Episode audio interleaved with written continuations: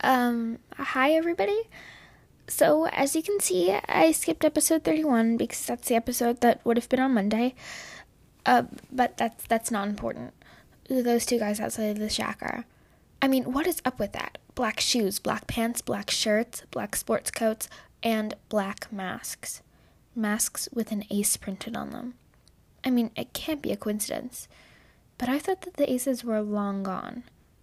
I guess they're not. I mean, for places with secret societies to take place, Pondfield is a pretty weird one. There's nothing much here except for some of the best ice cream shops in, I'm assuming, the world. But I have a feeling the aces don't care about that. And here's another angle. I thought they ceased existing a long time ago, like 50 years ago.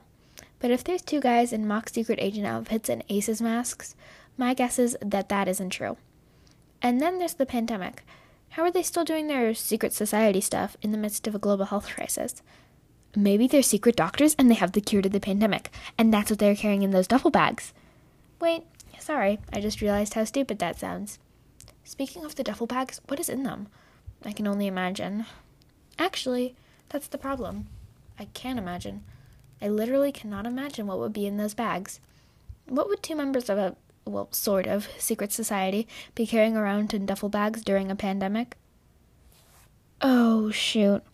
You know what I just realized? They're probably listening to this. I mean, it was playing when Liv and I went to that factory basement. I have an idea. Aces, if you're listening, meet me at the Stones Tower in two days at 10 a.m. Until then, I'm Zoe, and this is my life on lockdown.